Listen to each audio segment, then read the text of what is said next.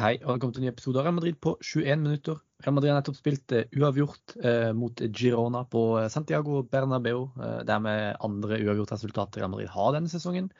og de leder fortsatt La Liga, da. ikke lenger med tre poeng som de gjorde tidligere, nå bare med ett poeng ned til Barcelona. Med meg til å prate denne kampen har jeg Martin. Hei. Hola. Hva skal vi si her? Det er jo litt sånn det er jo en litt vanskelig, litt sånn kjip kamp å, å, prate om, selvfølgelig. For det er jo en sånn litt skal vi si, en litt sånn typisk eh, Real Madrid møter dyp blokk-lag.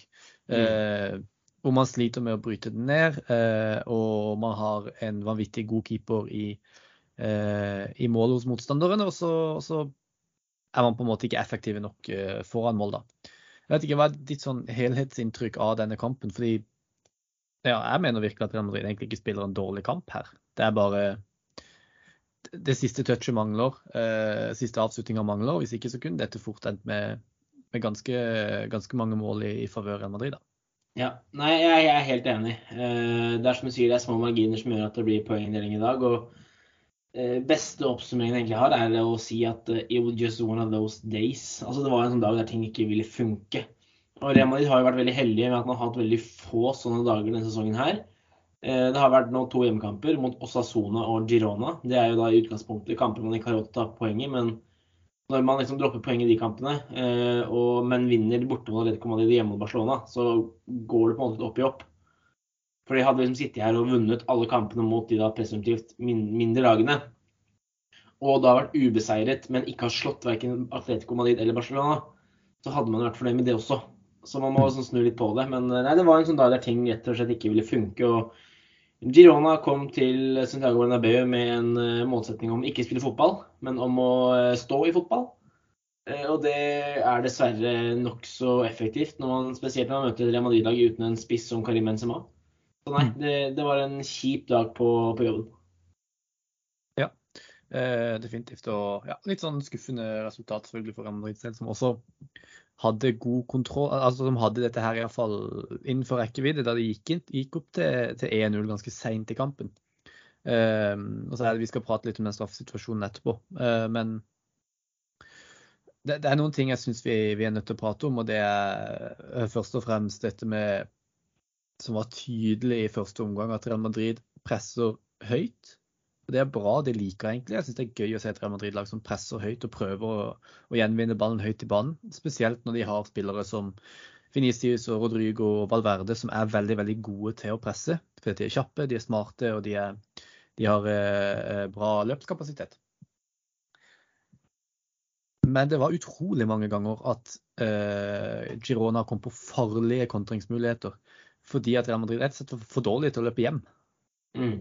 Uh, jeg vet ikke helt hva du tenker om, om det, for det er jo åpenbart et problem. Uh, når man får, og det, det, burde ikke være fart bak der som er problemet heller. Når man har Antonio Rydiger og Mendy f.eks., som er kjemperaske. Mm. Uh, så jeg vet ikke helt hva du tenker om det. det er jo Altså, det, det er jo en svakhet Real Madrid har. Absolutt. Eh, og jeg forstår Ikke hjelp av midtbanen heller. Det, det glemte jeg å si også. Null, null, hjelp fra midtbanen i, i akkurat Det er Kamavinga stort sett som, som, løper hjem i denne matchen, hvis det er noen som løper hjem.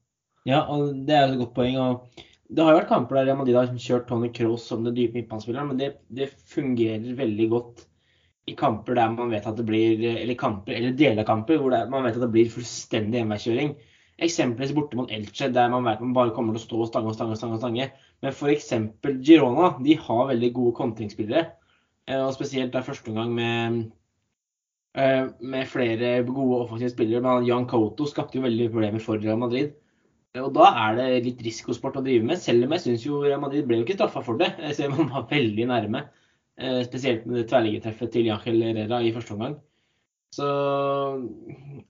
Men igjen, jeg syns på en måte altså Med en normal dag og normal uttelling, så hadde liksom Real Madrid leda både 1 og 2-0 eh, før Girona kunne fått denne kanskje ene skåringen sin. Da, og da er det på en måte greit.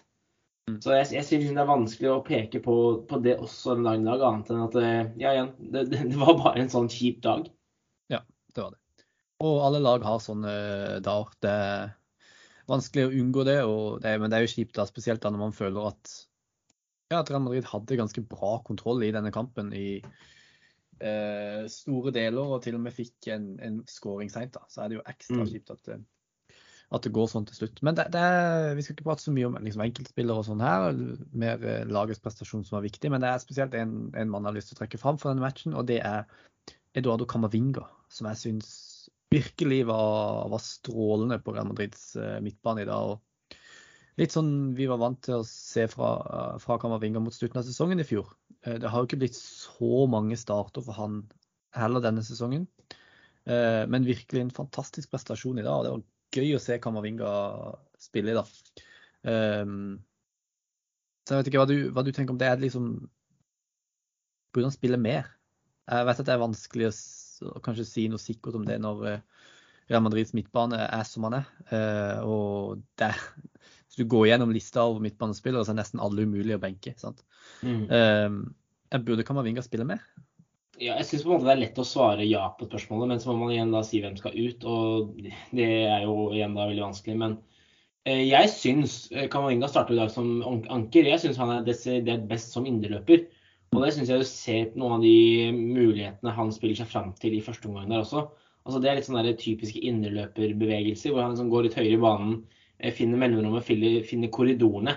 Og eh, kommer seg til noen skudd fra utenfor 16 og litt sånn forskjellig. Og det, der syns jeg han er fantastisk, fantastisk god. Nå kommer han jo forhåpentligvis til å få en sjanse i neste seriekamp når eh, Tony Cross er suspendert. Mm. Eh, og det, det er veldig, veldig fortjent. Men eh, for å svare spørsmålet, ja, han burde få spille mer. Men eh, det er veldig vanskelig å si hvem han da burde spille mer i- Ja, Det er kanskje det vanskeligste med den situasjonen, men jeg syns på en måte han viser at han fortjener mer. Uh, flere minutter, og den energien han har på midtbanen er jo ganske bra. Og, og spesielt dette her med Grunnen til at han kommer til disse posisjonene, disse skuddposisjonene uh, litt lenger opp i banen, er jo fordi at han fungerer ganske bra sammen med Tony Cross. Fordi at Tony Cross går ned som uh, ikke nødvendigvis ankeret, men han legger seg mer sentralt når Real Madrid har ball. For at han er Mm. så god til å fordele ball og eh, skyve spillet fra side til side med crosserne sine. At det blir en veldig sånn naturlig eh, dynamikk mellom de to. Hvor Eduardo Camavinga på en måte blir mer den, det rene ankeret eh, når Real Madrid forsvarer seg. Men med en gang de går framover i banen, så blir Tony Cross den quarterback-rollen. Eh, mens, mens Camavinga trekker litt fram. og han hadde jo et par gode sjanser i dag, og litt marginer igjen, da, så, eh, så så kunne han ha havnet på skåringslista også. Så definitivt en god prestasjon av Kamavinga. Vi kan jo bare si det også, at Grunnen til at han starta, det var nok egentlig Chuameni som skulle starte denne Mm. matchen. Um, men han følte på noe ubehag, uh, så sammen med legene så, så bestemte de seg for ikke ta sjansen på det. Jeg tror hadde det vært uh, mot uh, Barcelona så hadde han starta. Hadde det vært mot eh, Sevilla så hadde han starta. Hadde det vært en viktig kamp på Champions League så hadde han starta. Eh, så ja, ikke noe, ikke noe bekymring. Jeg tror også det at det, det faktisk er VM om under en måned, også har litt betydning i dette her, da. Det er jo litt samme grunn til at f.eks. Luka Modic ikke var med borte mot RB Leipzig i midtuka også. Ja. Det var jo nøyaktig samme årsak, det de kaller for en liten overbelastning. Som vel sannsynligvis er en muskel som er litt sånn småstiv og litt småvond å ha med å gjøre. og da, eh, da har man lært av eh, tidligere feil hvor man kanskje har pusha mer og en spiller har vært ute i tre-fire-fem uker. Og nå tar man heller da en kamp, eh, kall det fri, og så er det løst. Ja, Så det var nok, var nok en lur avgjørelse. og eh, Kamavinga spilte jo også en fantastisk kamp, så det ordna seg ganske greit. Eh, vi kan ta eh, Det er jo åpenbart at Real Madrid mister ganske mye når, de, når Benzema ikke er i laget. Eh, vet ikke, Du sa du ville si noe om det. Eh, for Rodrigo har jo spilt spiss nå, og er egentlig ganske god som spiss, men det er jo Mm. åpenbart at Real Madrid mangler en targetman i boks, syns jeg. Helt enig. Helt, helt enig. Og jeg så kampen med spansk kommentator, og da påpekte de bl.a. at det heatmappet da, som viser hvordan Real Madrid eh, plasserer seg i angrep, det viser et veldig stort tomrom eh, jeg si, foran mål, eh, noe som jo naturligvis er problematisk. Men det er jo forståelig når man har et eh, Girona-lag som pakker, igjen- så ekstremt godt inni boksen. og Da må man liksom trille rundt og rundt og rundt og rundt og håpe at det åpner seg. Og når man da ligger i en 4-5-1-formasjon, så skal det veldig mye til for at den åpningen kommer. Eh, og ja, eh, det her ville vært enklere med Karim Benzema, men det her er fort en kamp jeg kunne sett for meg Benzema også sliter voldsomt i. Eh, og det, jeg føler det sier sitt når jeg etter en, en drøy time, det var vel rett før Real Madrids scoring kom, jeg skrev til en god kompis at uh, nå syns jeg man bare skal få inn Mariano, bare skape litt kaos. Bare ha en som kan ta litt for seg i duellene der. og Det sier ikke jeg at Mariano er løsningen på alle problemene her, men man mangler litt sånn Kall det en plan B, da. Uh, noe, og jeg syns for så vidt, mens vi er inne på at Mariano gjorde en god figur òg når han kom inn. Uh, og måtte beviste litt av den tankegangen med at en, ja, en, litt mer primitiv spiss med styrke i lufta var noe man savna litt til tider. Kunne ta litt for seg i duellene for det syns jeg er rart med Mariano. Um, at Mariano kan ingenting på en fotballbane annet enn å heade ballen i mål. Ingenting annet. Han kan løpe, han er ganske kjapp. Um, det var han som ga bort uh, ballen uh, den, Det var han som spilte en elendig pasning uh, til jeg lurer var til Militao, som gjorde at Tony Cross ble utvist. Mm. så gikk, jeg tror han gikk tilbake til Mariano en gang til, og så fikk Girona den kontringa bare en slapp pasning. Eh, han eier ikke teknikk, han kan ikke spille pasninger. Eh, og det man hiver han inn for eh, i en sånn situasjon, er jo fordi at man skal begynne å pumpe innlegg. Jeg, jeg vet, jeg tror ikke Real Madrid slo ett innlegg etter at Mariano kom inn. Og da tenker jeg, hva er vitsen? Da kan man like godt uh, sette inn Dani Ceballos og få litt mer kreativitet fra midten. Hvis det er det som er Hvis man uansett ikke skal begynne å stå innlegg. Uh, jeg syns det er et rart valg uh, å sette han inn. Som sagt, hvis ikke man skal utnytte det han faktisk er god på. Så uh, jeg er enig, han klarte seg for så vidt greit i et par situasjoner. Det er jo han som skaper den, den annullerte skåringa til Rodrigo. Uh, med, eller, det er god pasning av Modric, men der viser han jo farta si og, og styrken sin og sånn. Så definitivt en god involvering der. Jeg bare syns som sagt jeg stusser litt over og det at man bruker han, og så bare slutter man å stå innlegg. Veldig, veldig rart. Mm. Helt klart enig. Man slo jo med innlegg når man hadde eh, Rodrigo og Venitius som bytta på i boksen enn etter Mariano kom inn. Og det er som du sier, det er veldig, veldig merkelig. Og så I tillegg så flytta de Alaba til venstre back i løpet av, mot slutten av den matchen. Sikkert fordi at planen var kanskje å begynne å slå mer innlegg, eh, og at Alaba er bedre til å slå innlegg enn det Mendy er. Eh, men eh, som sagt, jeg tror ikke jeg så Alaba slå et eneste innlegg i retning eh, Mariano i det hele tatt. Nei. Så litt sånn rart. Skåringa til Real Madrid, fantastisk. Godt, uh, godt spill. Uh, og det er jo de tre der framme altså, som kombinerer. Det er Rodrygo til uh, Nå var Carvahall involvert også, da, men det var jo Rodrygo som, som, på en måte initierte det. og Flott arbeid av Valverde og nydelig pasning. Fantastisk bevegelse av Venicius. En flott, flott, flott skåring. Um, og Venicius fortsetter jo på en måte å vise at altså han er Real Madrids toppskårer i år. Og det er lite som på en måte tyder på at han eh, eh, OK, for å formulere meg litt annerledes. Jeg fikk med meg at han fikk en del kritikk etter den kampen mot Leipzig. Fordi at han bomma på den, eh, den store sjansen. Jeg syns det er veldig rart å være kritisk til Venicius når han er Real Madrids by far beste offensive spiller. Eh, når ikke Benzema er med, selvfølgelig. Og kanskje til og med når Benzema er med. Så, er, så skjer det så mye ting rundt Venicius. Benzema har blitt en bedre spiller pga. at han har en Venicius ved siden av seg som gjør så mye. Mm. Det, det, meste Real Madrid skaper i dag, er pga. Venicius. Uh, jeg synes det er og nå kommer han på skåringslista igjen. Burde kanskje kunne vært avgjørende. sant? Eh, kan du, kan du begripe hvor denne kritikken kommer fra, som, som man hørte da etter den Leipzig-kampen? Nei, ja, men det kommer også litt an på hvordan, man vil ta den kritikken. altså. Øh, og det å komme med berettiget kritikk for enkeltavgjørelser og måtte legge det på at OK, det var dårlig gjort der og da, det er jo på en måte fair, men man må trekke den slutningen som at se, Venitius er ikke det ferdige produktet, basert på den ene kampen, når han eh, ja, mange kamper har spilt de siste drøye åra, si 60 kamper, da. Når han i 45 av de 60 kampene har vært en av banens tre aller beste spillere for Real Madrid, det blir jo flåsete. Det kan man ikke gjøre. Eh, jeg syns det ikke er noen verdens tvil om at Venicius Junior per dags dato er eh, Real Madrids beste spiller. Eh, og da vil jeg faktisk inkludere med Karim Benzema på banen.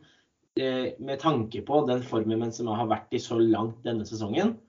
Og for å bare opphøye statementet mitt, så mener jeg at Venicius Junior er verdens beste brasilianer. Ja. Uh, ja, det er kanskje det. Neymar har jo vært veldig god denne sesongen, da. Absolutt. Jeg skulle la den henge litt, men uh, det er bare da Det er min, min, min mening. Nei, det er definitivt ikke langt unna. Det er det jo ikke noe tvil om. Uh, jeg tror ikke det er så mange andre navn som er i det hele tatt aktuelle i den sammenhengen. Det er vel kanskje bare Neymar. Men ja, iallfall. fall, nok en gang en, en god prestasjon av Venicius. og kunne fort blitt avgjørende i denne kampen her. og Det meste Real Madrid skaper, går jo gjennom han, rett og slett. Men eh, ja, Real Madrid får jo litt uflaks her da, med to dommeravgjørelser. Um, jeg syns det er litt vanskelig å si noe som helst om de, for jeg syns jeg forstår veldig lite av Altså, jeg kan ikke reglene godt nok på noen av dette her. Altså på noe av dette her. Jeg, jeg skjønner ikke helt hvorfor det var hens. For at på reprisene ser det ut som at han treffer brystet eller på en måte overarmen på høyrearmen. Eh, men fra en annen reprise så det faktisk ut som om han traff han i albuen.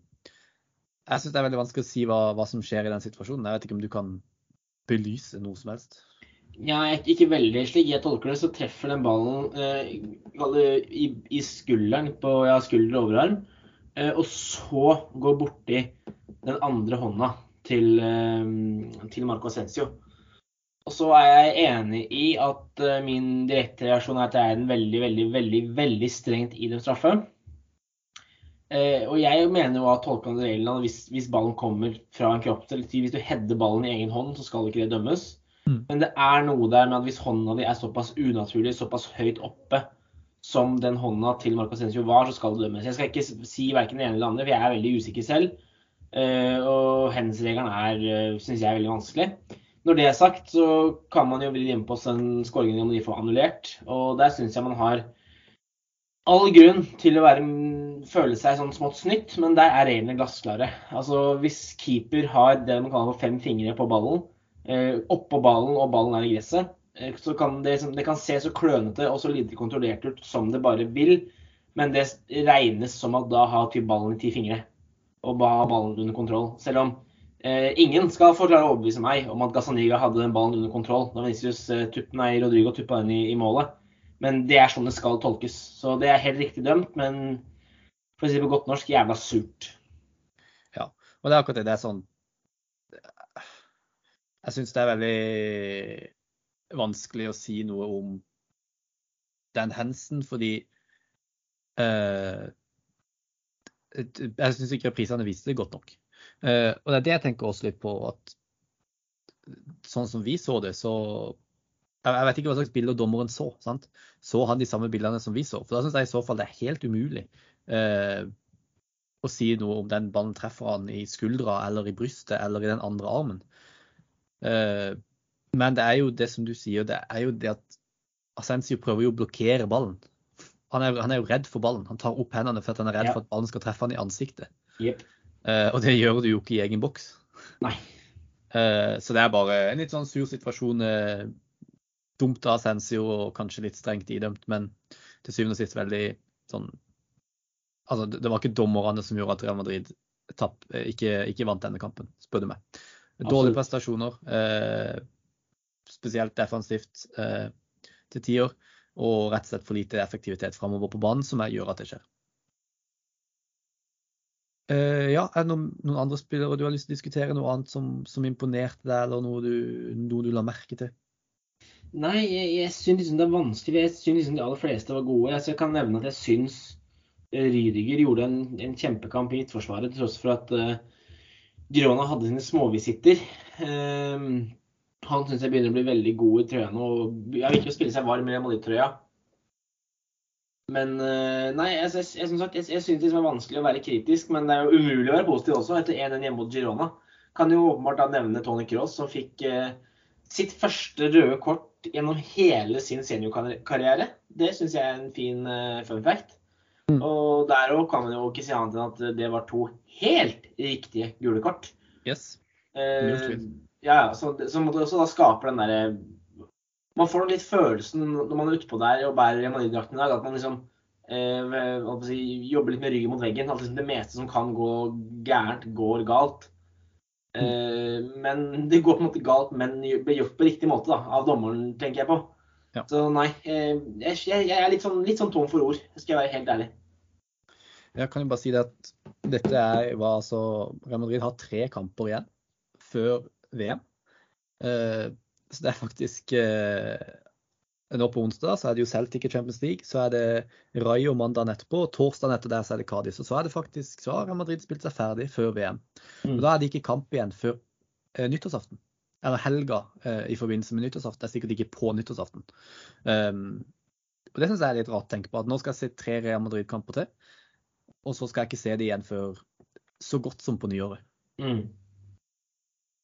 Ja, det er, det er en merkelig situasjon dette her med dette mesterskapet. Altså. Det er det. Det, føles, det føles, veldig, føles, veldig, rart. og Det har liksom vært snakk om det. Ancelotti har sagt det hele veien, at han vil at Real Madrid skal gå inn i den VM-pausen i best mulig forstand. da, At uh, man skal ligge så godt an som overhodet mulig. og da er det én som irriterer seg over poengtap hjemme mot Girona da, er det nok godeste Ancelotti. Det er nok det. Så nei, man må bare håpe at man kommer seg opp på hesten og eh, gjør kort prosess på Celtic på på onsdag, og at man tar de seks poengene mot eh, Cádiz og Rayo Vallecano før, eh, før VM-pausen venter. Mm, definitivt. Nei, jeg tror vi, vi sier det er nok. Eh, takk for at du var med i dag, Martin. Det bare hyggelig. Eh, takk til alle dere som hørte på. Og til neste gang, Ala Madrid.